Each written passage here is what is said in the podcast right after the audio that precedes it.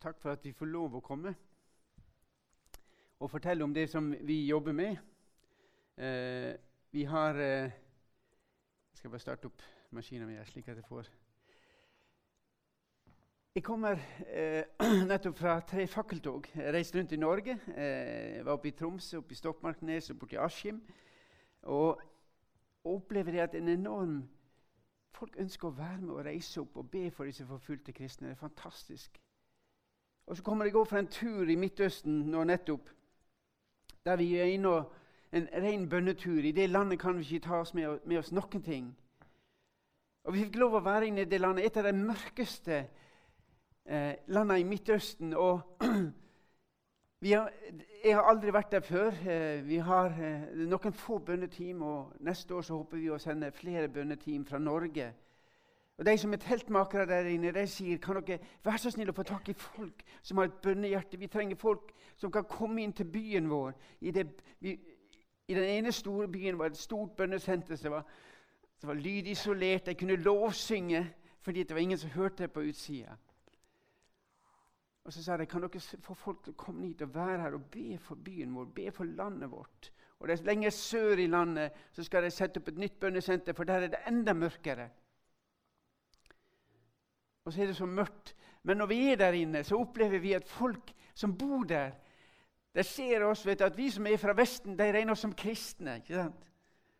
Og folk som kom dit og satt på flyplassen og skulle reise derfra. Det var en som hadde vært inne i det landet, og han hadde fått hjerneblødning og var, var veldig dårlig. Kona var kommet ned for å hente han. Så satt jeg og snakka med han, så sier han jeg har forferdelig vondt i hodet. sa han, jeg må hjem igjen. Nå har jeg fått behandling her, og kona mi kommer og tar meg hjem igjen. og Det er forferdelig. Og Så satt vi og snakka. Ja, du er kristen, sier han. Ja. Kan jeg få lov å legge hendene på deg og be for deg? Ja. Jeg aner ikke hvor det går men det er å få lov å, i Jesu navn å få lov å velsigne og si Gud, vil du helbrede? Vil du vise hvem du er? Det går an. I det landet, når vi snakker med de som bodde der inne, så sier de at vi, ber for landet. Om kveldene så går vi ned til strandpromenade. En fantastisk flott strandpromenade. Der sitter folk langt på kvelden med familien og har måltid. Og så evangeliserer vi. Så sier jeg, 'Unnskyld, hva sa du?' sier jeg. Vi evangeliserer. Går det an i dette landet her, sier jeg. Ja, det går an. For Gud har kalt oss her, og vi vil være lys. Og så er det de fra det landet som vinnes for Jesus. De er i fyr og flamme. Det er nesten slik at de må dempe deg ned. Vær forsiktig. Du kan miste livet. Jeg har funnet livet, sier de. Jeg har funnet livet. Og det å få lov å være der og være sammen med deg Og vårt kall er jo våkne på styrke, den resten med igjen. Og Faktum er det at Guds rike går frem i disse landene. her. Det vokser. Det er forfølgelse fordi at Guds rike går frem. Og Broder Andreas begynte med å være der inne, og de sa det at det at du er her, er mer enn ti av dine beste preikener, sier de. Det at du er sammen med oss. Og Gud kalte, og han gir henne et løfte. Se, jeg satt foran deg ei åpna dør. Det var det løftet broder Andreas fikk. Og det at dette bildet som dere har her, det er for å vise litt om, om, om den eh, Om den eh, Nå gikk det litt fort her. En visjon som vi har, det er å oppmuntre disse som blir forfulgt bare fordi de tror på Jesus. Det er det som dere sa her. Dere aner ikke. Dere er her, disse ungene, dere, bor, dere er verdens heldigste som får lov å bo her, som får lov å gå på gudstjeneste. Jeg husker jeg var på en dåp her for mange år siden. og Da det, sa jeg det til dåpsfølget. Det var Willy Landro-familien. At dere er heldige som får lov å døpe her. For hvis dere hadde vært i Nord-Korea, så dere ikke kommet ut den bakdøra. For det har tatt bestemor, far og barn, tre generasjoner, i håp om å utslette. Men Guds rike går frem i Nord-Korea. Denne dama som er her, var jeg eh, besøkte for noen år siden. og Hun til venstre Hannike, hun hadde vært teltmaker i det landet. Hun snakka språket og var tolken vår. Så når vi kom til byen der hun bodde, hun, høyre, hun på høyresida her, så ringte vi til henne og sa nå er vi på Burger King sånn og sånn. Vil du komme og fortelle vitnesbyrdet? Vi kunne ikke reise hjem til henne. Og så kommer hun og forteller hvordan hun hadde eh, funnet Jesus fra å være muslim til å bli en kristen. Og hun fortalte det, og så Plutselig så snur hun om og så begynner hun å snakke hvor, etter at jeg ble en kristen, hvor vanskelig livet var blitt. Og hun forteller om alt. Hun tømmer seg fullstendig. Hvor mye vanskeligheter det var blitt etter at hun var blitt en kristen. Jeg satt og hørte på det, og så når hun var ferdig, så var det helt stilt i gruppa vår. Så, så spør jeg Hannike, og da spør jeg henne på nederlandsk, for jeg vil ikke at den norske skulle høre hva jeg spurte om. Så spurte hun kan du stille henne et spørsmål. Ja, hva da, sier hun. Kan du spørre henne hvorfor gir de ikke opp troa på Jesus når det er så vanskelig? Og han ikke så på meg sa Ole, jeg kan ikke stille det spørsmålet. Har ikke du hørt hva hun har sagt? Så jeg, vær så snill og spør henne. Han ikke peker på meg og sier han spør. Hvorfor gir du ikke opp troa på Jesus når det er så vanskelig? Og Den dama der hun spratt opp av stolen og sa hun, Never! Aldri kommer jeg til å gi opp troa på Jesus. Så sa hun det. Men jeg kan ikke dele dette med noen. Det er ingen som jeg kan dele det med dere brødre og søstre, så nå kunne du få lov å tømme meg. Jeg trengte å få noen å fortelle det til, slik at dere kan be videre for meg. Jeg kommer aldri til å gi opp Jesus. Og tårene rant og Det er det det handler om. Å få lov å være sammen med deg å få lov å være en oppmuntring, men samtidig lære, lære av deg. Jeg kommer aldri til å gi opp troa på Jesus.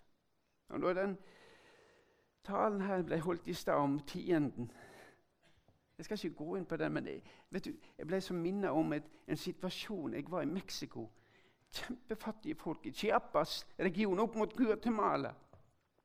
35 000 kristne, evangeliske kristne er kasta ut av landsbyene sine fordi det er blitt evangeliske kristne. Så var jeg på møte med dem, og så skulle jeg sende rundt offerskåla. Så gikk det to rundt, og jeg så det var to offerskåler som duer.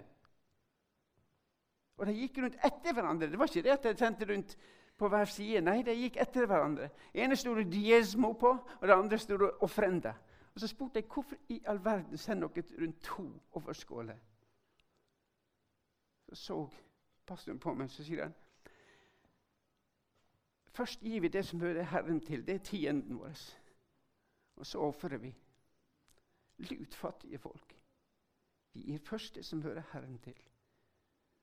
Og Når det gjelder disse brevene her som dere skulle fylle ut jeg tenkte på ikke fylle ut nå. Ta det med dere hjem. Så spør dere Gud. Gud, hvor mye vil du jeg skal? Og jeg er overbevist om at han vil vise deg det. Hvor mye hører deg til her?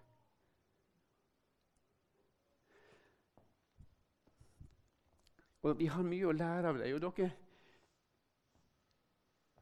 Vi ser det er 360 millioner kristne som blir forfulgt. Og det er et utrolig antall. Men det vi prøver å gjøre, det er å sette ansikt på det. Og prøve å, si, å, å få at det handler ikke om 360 millioner kristne, men det handler om enkeltpersoner. Derfor har vi et bilde på bladet vårt av en enkeltperson. Det handler om enkeltpersoner. Broder Andreas sa alltid Det skal alltid være et bilde på vårt blad, men aldri mitt, sa han.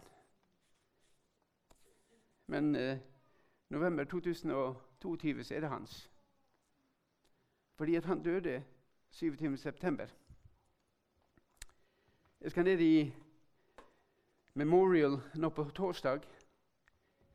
Men han sa at men grunnen til at vi har hans bilde på nå, det er for å, det han sa, er at hvis Gud kan bruke meg, så kan han bruke alle. Og Gud bruker disse menneskene her hun til høyre øverst oppe, Heidi kaller vi henne. Har dere sikkert hørt om den jenta i Colombia som begge foreldre ble skutt? Hun kom springende ut sammen med de kristne og ba. og Hun sa til Jesus hvorfor Jesus svarte du ikke når vi ba om at mamma og pappa skulle bli friske igjen. Hun forsto ikke det, men så kom hun på den skolen som vi har i Colombia, så fikk hun lære at Gud har kontroll. Midt oppi det vanskelige i dag så reiser den jenta rundt på fulltid i, i, i, i Ungdom i oppdrag og forteller om hva Jesus er. Hun er min herre og mester. På alle disse kontinentene her jobber vi. Vi jobber i 76 land. Og Per dags dato så er det mer enn 100 millioner mennesker som er på flukt. Og mange av dem er kristne. Sør for Sahara blir flere områder tømt for de kristne. Nigeria spesielt. Mange landsbyer blir angrepet, og vi har et vitnesbyrd på det. Hvis du har lyd på den neste når det kommer en fi film nå, hvis alt stemmer. Jeg skal ta dere med til Nigeria. Og, og det sier jeg, dere som får bladet vårt, hvor mange får det? Få se.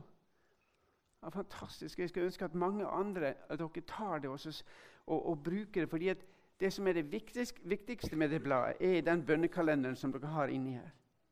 Og mange, jeg får, jeg får beskjed av mange vi bruker det. Kan du sende rundt ei liste? Og så kan dere skrive dere på, Vi skal sende det gratis til dere. Vi er overbevist om at de bønn kan forandre situasjoner. Og, og, og, Hvis de hadde forstått hvor mye bønn betyr, så hadde vi bedt mye mye mer. 100 ganger mer, sa broder Andreas. Ja, men det er jo bare å nevne. Ja, men det er ikke bare å nevne. Hvem snakker vi med? Vi snakker med Han som har all makt i himmel og på jord. tar dere med til, nord, til Nigeria. Nord, De mørke statene nord der. Tolv stater, det er sharialov. Der du er nødt til å innordne deg etter sharialoven, altså muslimsk lovgivning. Hvis du ikke gjør det, skal du risikere livet. Mange kristne bor der. Mitt område, mitt belte som er gult, er, et område der mange kristne bor, og nå angriper Fulani-gjetere. For det er så dårlig beite i, sør, nei, nord, og så presser de seg sørover. Og så jager de kristne sørover. Det er et land med 200 millioner mennesker og 98 millioner kristne. Det er utrolig Det er utrolig mange kristne her inne. Det landet er det landet som mister flest kristne som blir drept. I fjor kunne vi dokumentere 4500 kristne mista livet fordi de tror på Jesus. Vi har et, et vitnesbyrd fra Jeremia. Hvis du har lyden på nå, så håper jeg at det kommer. Vi skal til byen Kufana, der han bor.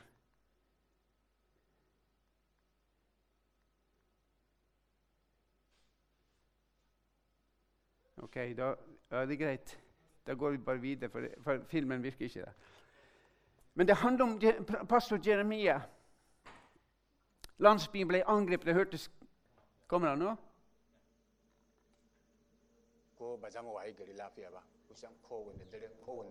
haka mun bari komai a hannun Allah domin shi ne ya dauka shugabanci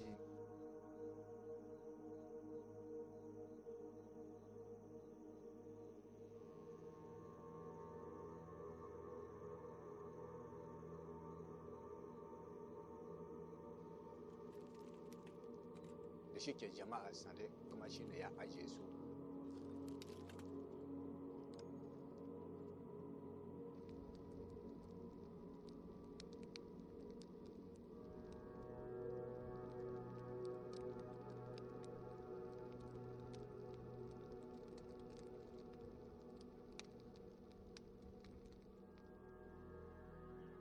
Akwai hali da mu krista gefen nan sashenmu muna fuskanta. Yadda aka yi a wannan rangu 23 ga wata na huɗu da wajen ƙarfe huɗu na yamma mun je karan bindigogi a yamma nan sai muka ce ma mata su fita je wani angwa domin mu maza mu saya mu duba ko menene yake faruwa. Ba a daidai ba nan da minti goma sha biyar sai muka ga fulani sun taho sun kewaye gida angon nan gabaki ɗaya. Da ina na yi ta gudu ana biya na harbe allah ya fishe ni ya fitar da ni. Ba abin da aka samu an ci ba saboda wurin mutane a warwase a daji wasu a warwase a ƙauyuka. Wasu a inda sun sami kansu ba a iya samu a sani ina ne wace ina ne wani ina ne yan suke ba. Saboda wannan da muka dawo da safe tabbace mun zo mun gan gabaki diya kone-kone da sun yi mun gan hasi wuta ne na ci hayaki na tashiwa. Ka shiga wancan gida ka gan eh, wuta na ci hayaki na tashiwa. Wuta bai riga ya kare ba. Nan aka ga eh, waɗanda suna nan sai sun kwashe ruwa ana kan zubawa domin a gani ko za dan samu kadan domin iyali su ci su da yi kwana biyu. Ba su iya ko da shi ke waɗansu an samu an kashe waɗansu a nan. Waɗansu kuma an ja masu rauni har sun je eh, asibiti na maraba. Yanda eh, a samu hankalin hankalin jama'a a ce masu wani abu.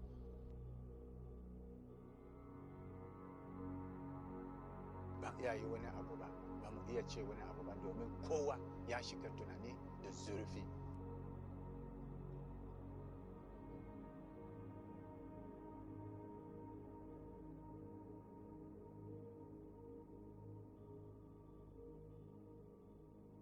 Mun gode masu domin abin da suka yi kuma addu'a mu fata mu duk Allah ne zai sa masu albarka ya kuma ci gaba da buɗe kofofi da shike.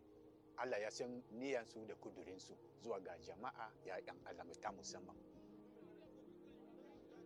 Lokacin da open door sun zo sun shiga nan anguwa sun gan damuwa mu sun kuma koma. Kira mu sun raba mana hasi a maraban kajiro hade da kuɗi kowane mutum dubu bakwai. More mutanensa suka wallafa domin mu da mun zama ‘ya'yan Allah mun zama ‘ya'yan Kirista don haka kan ƙarfafa su cewa su tsaya da ƙarfi saboda eh, da a ce an saya ne ga yadda fulani sun shiga sun fita ɗin nan.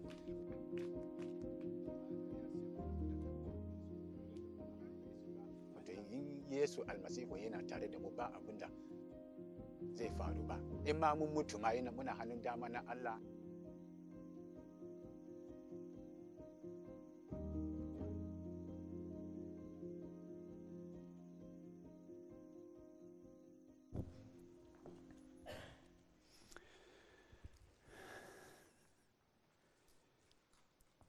Og så sier han vi bør gi Gud ære. Han er en levende Gud, og han kan og vil hjelpe oss. Og så får vi lov å være der og hjelpe deg. Og så har jeg lyst til å si det at åpne dører, vi er der i tjeneste for deg. Hvis ikke hadde funnes ei en forfulgt kirke, så hadde ikke Åpne dører eksistert.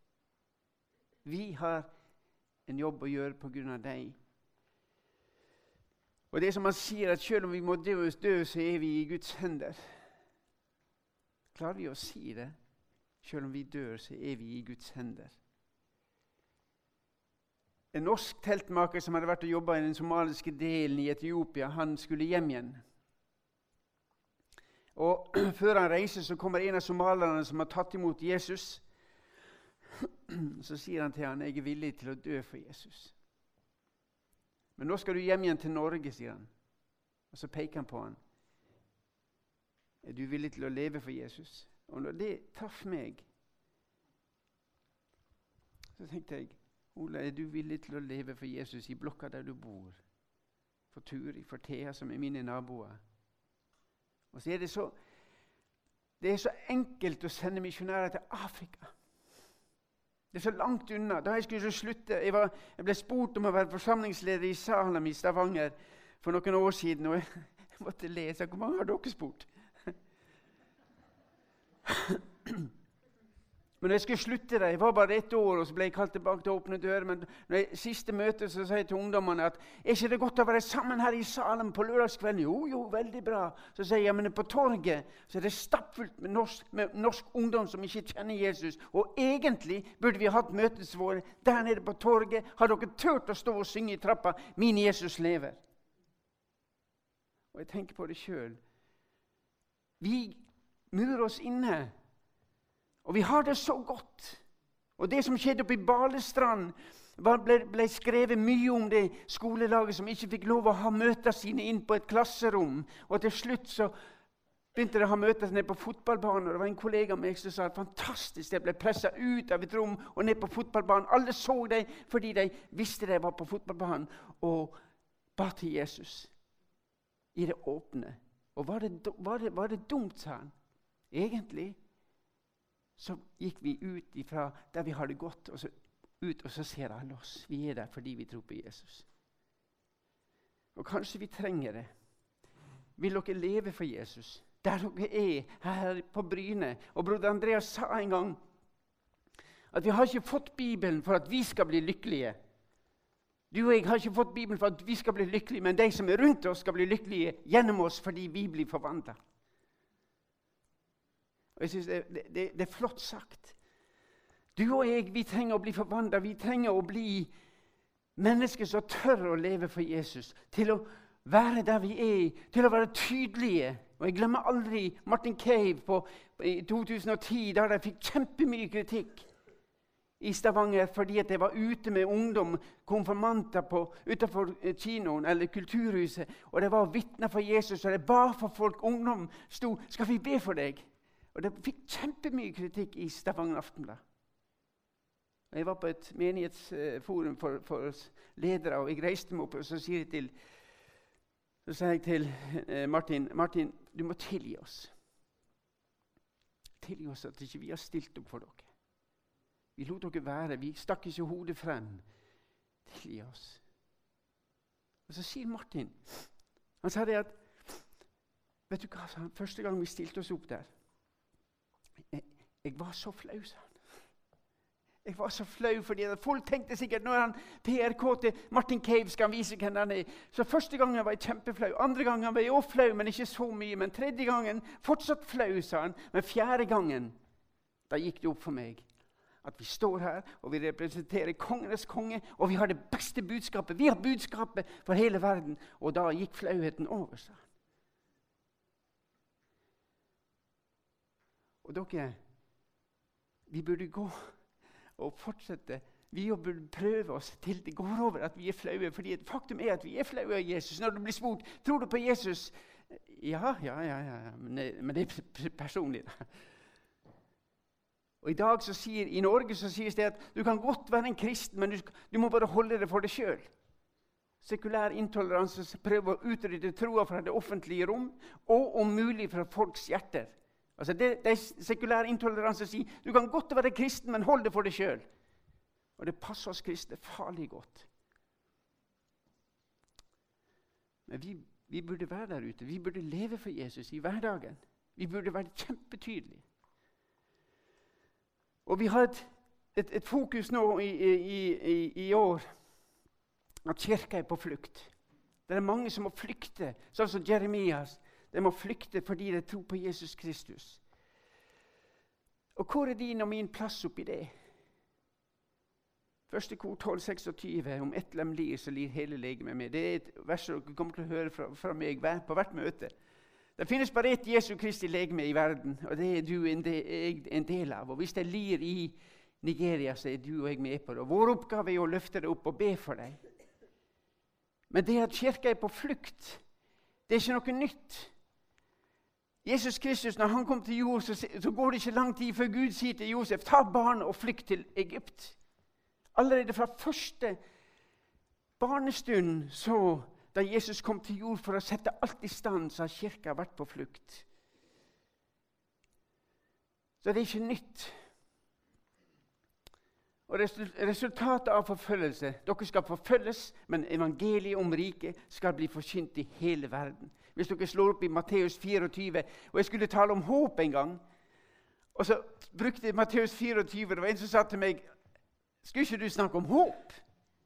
Jo, ja, men Matteus 24 snakker jo bare om endetida og om når verden skal gå under. Ikke når du leser det. Hvis du leser det, så sier Jesus at dere skal bli forfulgt. Men dere, det er bare begynnelsen på fødselsvedene.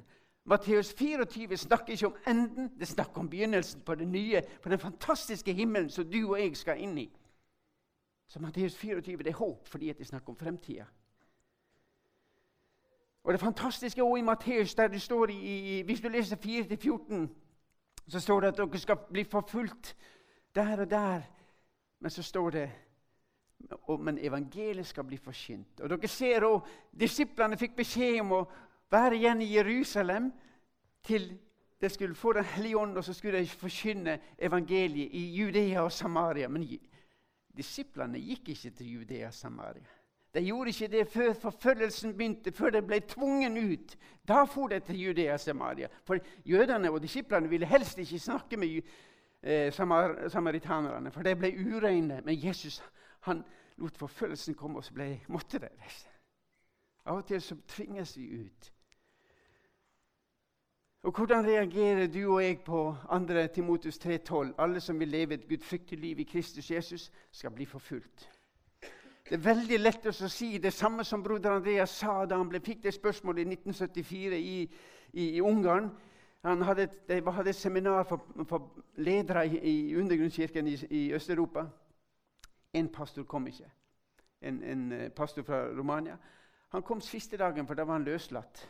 Og Han kommer opp og så spør han broder Andreas du, hvor mange sitter i fengsel i Nederland. Hvor mange kristne fengsler i Nederland? Ingen, sa han. Ja, Men hva gjør dere kristne med 2. Timotus 3,12?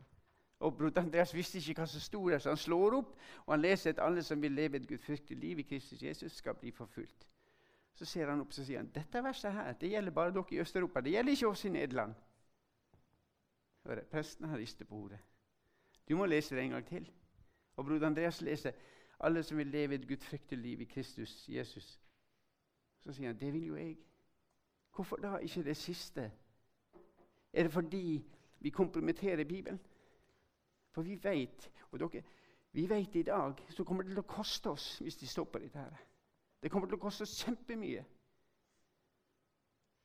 Men bror Andreas han sa det at er det det at vi ikke bruker Vi tør ikke å forkynne hele Bibelen. Men for det andre så har jeg lyst til å si at Bibelen er ikke i første omgang gitt oss for at vi skal slå det i hodet med. Bibelen er gitt oss for at tonekraft i mitt liv skal bli forvandla til sypresser. Og det skal være et, til, til, et, e, til, et, navn som Gud skal få ære på, at mitt liv blir forvandla, og så går jeg ut, og så blir andre ser det, og så får de lyst til å si Hva er det som har forvandla den mannen? Guds ord må vi bruke på oss sjøl. Men det kommer til å koste oss. Jeg har lyst til å ta dere med til Tyrkmenistan. Tyrkmenistan, Alle disse stanlandene var under Sovjetunionen frem til 1991. I Tyrkmenistan hadde vi, en, hadde vi noen som, som uh, Jeg fikk lov å reise sammen med han som var nummer syv i Tyrkmenistan som kom til tro. Batyr og Energen. Historien til Batyr og Batyr Energen ble ikke torturert, men Batyr og tre av vennene hans ble tatt fordi de smugla bibler inn til Tyrkmenistan. Vi hjalp dem, men de gjorde jobben. Åpne dører. Det er ikke vi som gjør jobben i alle land. De, vi hjelper dem til å være kirke. Vi hjelper dem, og Batyr smugla inn kjempemye. Han hadde tre fulle garasjer med bibler når han ble tatt. Bildet til høyre er den første menigheten husmenigheten når de var kasta ut av husene sine. De ble tatt fra dem, og de møttes i skogen. Batir er han som sitter her med, med, med, med ryggen imot. Her sitter Batir. Og så er det sønnen hans som sitter bak her. Og han, han, smilte når han så det bildet. Jeg kom opp med det. I Tyrkmenistan i, i, eh, på slutten i eh, 99 ble, eller, 99 ble det tatt. I 14 dager ble de torturert. Når, han klarer ikke helt å fortelle om det, men det var fire KGB-offiserer som gikk på rundgang og banka og slo oss. De brukte oss som fotball, sa han, og de slo oss. Og så, hvis du tar et strykejern, sa han, og så setter du kontakter i, og så legger du på brystkassa. Og så sier de, 'Fortell oss om alle de kristne før det blir for varmt.' Eller hvis ikke du forteller om de andre kristne, så slår vi det til du er helt vekk. Og Batir, når han kom hjem etter 14 dager, så kjente ikke kona Kona kjente ikke Batir igjen. Han var helt knust, han. Som menneske var jeg helt knust. Jeg hadde ikke klart å stått. Jeg fornekta Jesus mitt. Og til, slutt så klarte jeg ikke mer, sier han med tårer. Og Det er vanskelig for han å si det. Og Så, kom, så sier han det, og så kom det ei dame fra menigheten vår som begynte å fortelle om Peter. Hvordan han fikk lov å komme tilbake, så fikk lov å bøye kne. og så Fikk lov å be om tilgivelse, fikk jeg lov å begynne på nytt. Myndighetene sa hvis dere ikke reiser herifra, så tar vi livet av dere. De måtte flykte i 2001, og myndighetene håpte på at nå var vi kvitt dem, for nå var de rømt fra oss. Men Gud har andre planer. I dag er Batir kjempekjent i Turkmenistan. Han lager ett program, TV-program hver uke. Han lager 52 TV-program hvert år, og hver uke går det nye TV-program inn til Turkmenistan. Tusenvis av turkmenere ser han. De trodde at når de bare fikk jagkirka, så ville det stoppe, men Gud hadde andre planer. Og Batir han sier de lever fullstendig for Jesus i dag. Han er dødsdømt i Turkmenistan. I 2006 fikk han dødsdommen i Afghanistan, for han var der inne og, og forkynte der. Og Jeg fikk en melding da jeg var i Midtøsten. 'Vi er tatt, kan dere hjelpe oss?' Jeg sender det videre til våre folk.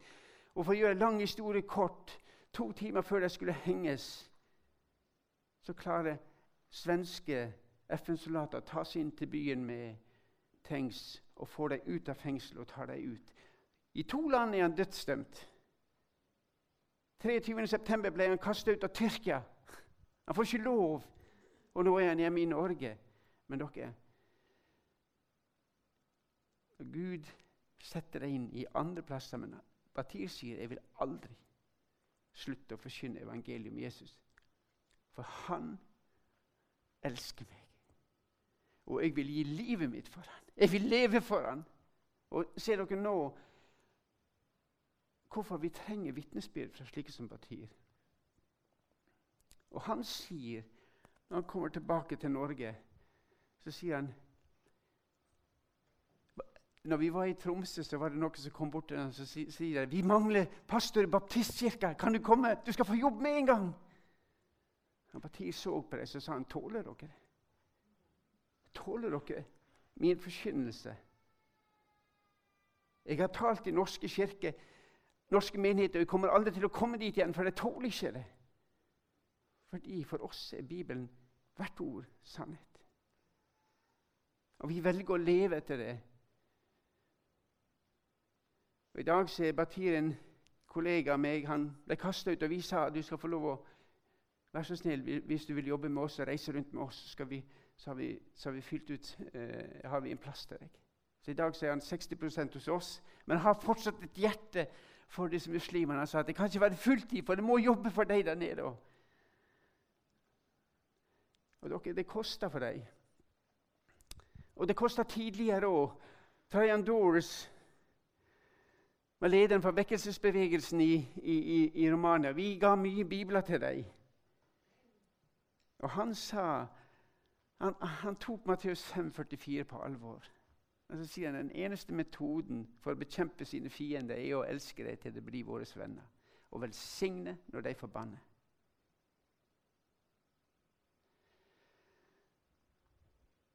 Historien hans er slik at hver jevnlig ble han oppsøkt av en politibetjent som hadde med seg en gruppe som rundbanka Trajan. De slo han til han lå.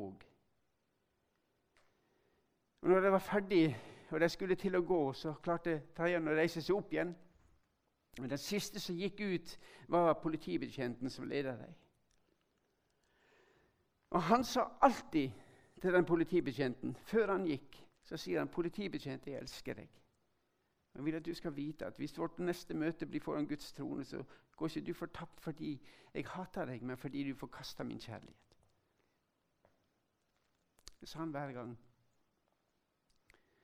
Mange kristne som hørte når de oppdaga at han ble sint, banka opp og ble sinte. Og Det kom til tredje år, så sa vi må gå og melde. Så sa han før dere går, kan dere bli med meg og be litt. Og Så knelte han ned og så ba han for disse her. Og Det ble helt stille. disse kristne sa at da oppdaga vi at vår oppgave er ikke å gå til myndighetene og klage, men vår oppgave er å gå til Han som har all makt i himmel og på jord, og legge det fremfor Han. Det er det privilegiet vi har. Og For å gjøre en lang store kort, en dag så kommer banker på døra, og politibetjenten står der. og Trajan tror det er en ny runde. Men eh, han er alene og han spør kan jeg få lov å komme inn. Jeg har noe jeg skal fortelle deg. Og så sier han at neste gang vi møtes, det vil være foran Guds nådes trone. Og jeg er kommet for å be om tilgivelse og fortelle deg at din kjærlighet rørte ved mitt hjerte. Jeg har bedt Jesus Kristus om å frelse meg. Og han sa det at det er bare noen uker igjen før jeg dør, for jeg har fått kreft. Men jeg vil at du skal vite det.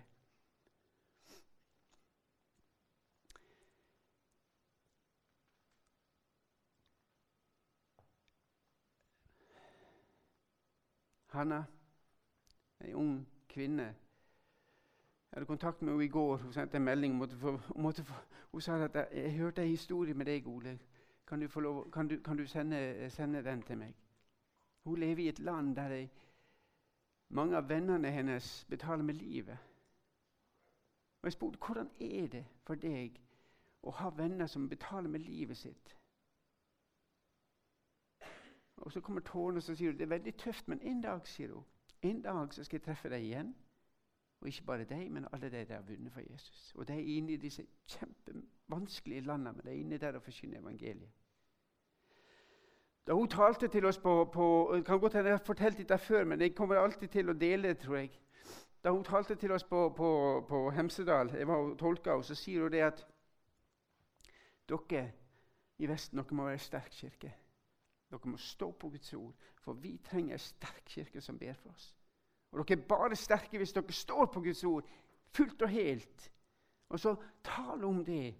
Og så legger hun ut hvordan de velger å stå på Guds ord. Velger å stå, F.eks. Matteus 5, 45, der du skal velsigne når du blir forbanna.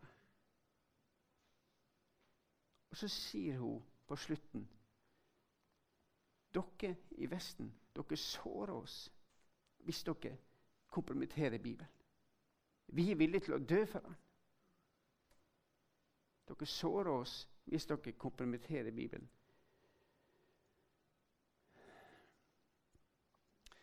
Og Det verste her det er liksom det løftet Gud ga til åpne dører. Se, jeg har satt foran deg en åpna dør som ingen kan stenge. Det, det, det, vi, derfor kaller vi oss åpne dører. Men når jeg hører på disse historiene fra Batir, fra Trajan og fra Hanna, så tenker jeg på det verset. Men det er ikke nødvendigvis det som står først, først, men det som står sist. Der står det For du har liten kraft. Du har holdt fast ved mitt ord og ikke fornekta mitt navn.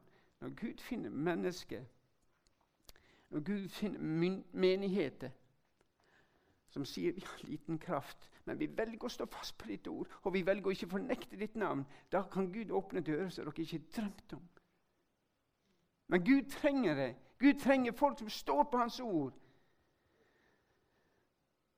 Egypt opplevde det, det i 2017 når de sprengte to kirker. og de velger Som kirke valgte de å tilgi. De som mista fedrene sine, ble intervjuet på TV, og de velger å si vi tilgir dere. Vi vet de som sprengte kirka, sendte min mann til en plass der jeg lengta etter, sier kona. Og Muslimene sier, 'Hva er dere laga av?' Hva er dere laga av? Dere må være laga av en helt annen substans enn vi muslimer. For vi muslimer vi må ta hevn. Men jeg velger å tilgi.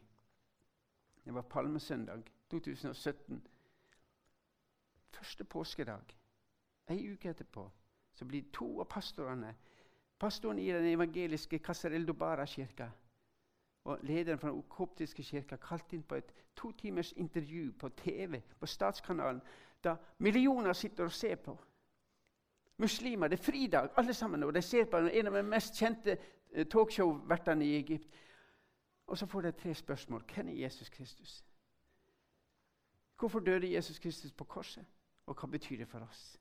I to timer får de forkynne evangeliet på Statskanalen. Og de kristne sa det.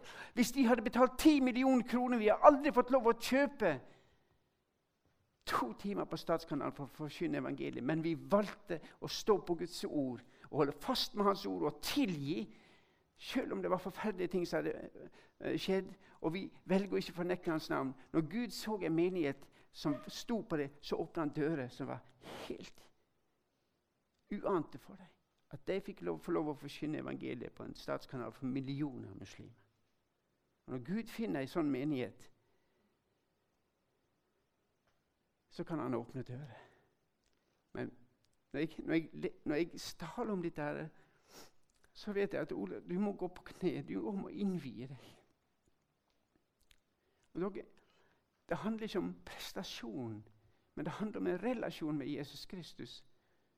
Første kor 12, 20, så sier, så sier Paulus Gud er trofast, han som kaller dere til fellesskap med sin, Jesus Kristus, sin sønn. Det er det vi kalles til. Vi kalles til å ha fellesskap med Jesus Kristus. Og så det som da kommer Gud er trofast. Han, ettersom dagen er, så vil han gi dere kraft og styrke. Vi tenker ofte på ja, hvis det stikker hodet frem her, så hva da? Ja, da blir vi tatt. Ja, Så får vi bli tatt, da. Men vi må stå på Hans ord.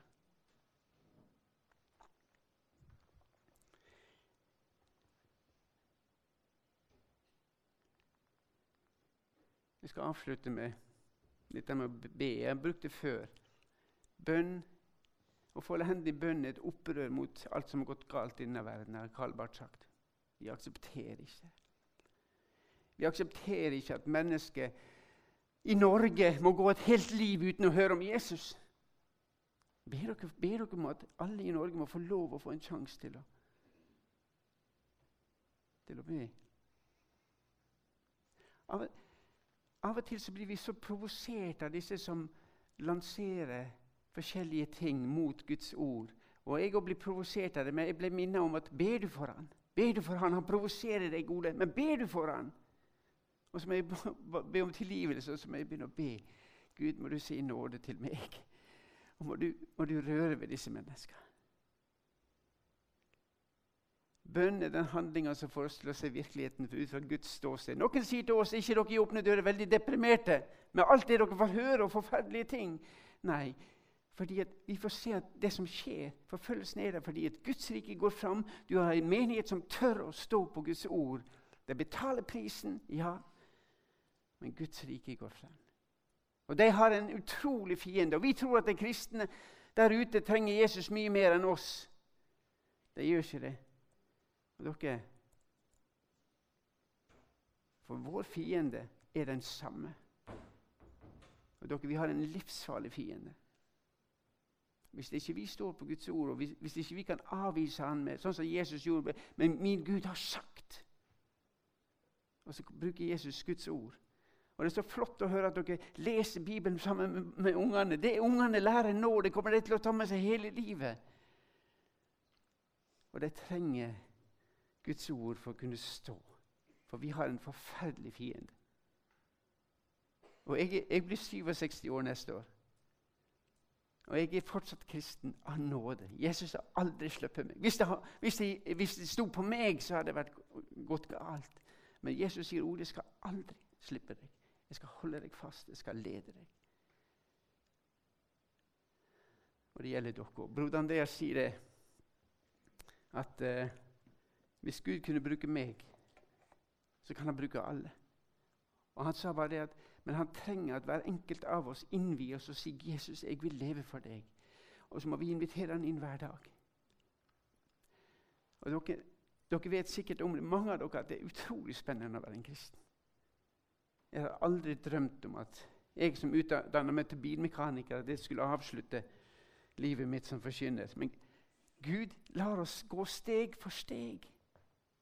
Han lar oss ta steg for steg og vandre sammen med Jesus er spennende, og det kan koste. Det kan koste, men det vil Det de sier, det Batir sier Hvis du ser på Batir sitt liv Han har ikke penger i det hele tatt. Han er på frivillig gave. Men han sa jeg, har overlevd til nå. Gud har sørga for meg, sa han. Han har ikke mye penger på denne jord, men han har en skatt i himmelen. Han har seg Han sier han har en skatt i himmelen. Og han har fokus på det som er der oppe. Enn så lenge om han er her.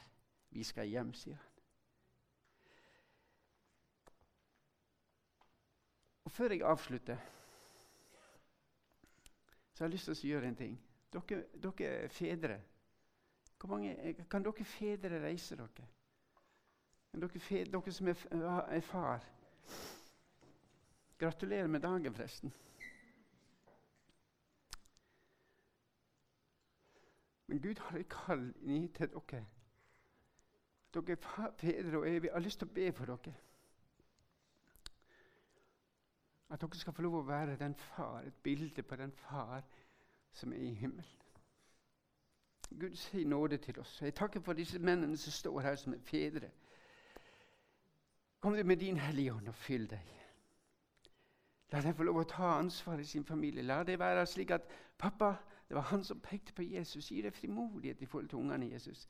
Og jeg ber Herre Hellige Ånd, kom du og fyll deg. Når de tror at ikke de kan gjøre noen ting i egen kraft, så stemmer det. Men du, Hellige Ånd, du kan fylle deg og gi deg visdom til hvordan de skal peke på Jesus. Vil du velsigne deg?